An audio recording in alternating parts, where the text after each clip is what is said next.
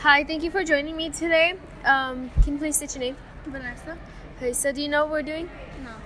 So today I'm gonna ask you some questions and have you share a story about an act of kindness you have seen on this campus. Is that okay? Yeah. Okay, um, do you want to start with your story? Yeah.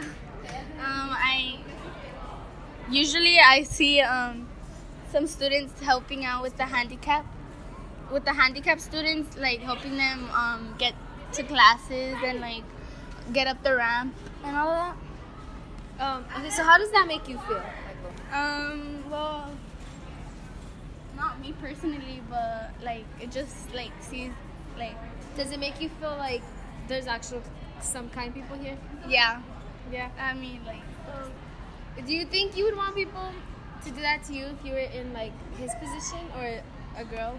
I mean, I mean, yeah, because like we all need to get to like classes and all that. And on like, time. we need yeah, and then we need like we wouldn't be able to like do these like things alone, like specific things alone. Do you think this person enjoys all that help?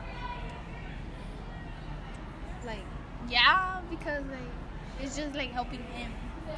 to get on time? Yeah. And uh, I can't think of a question. I can cut it.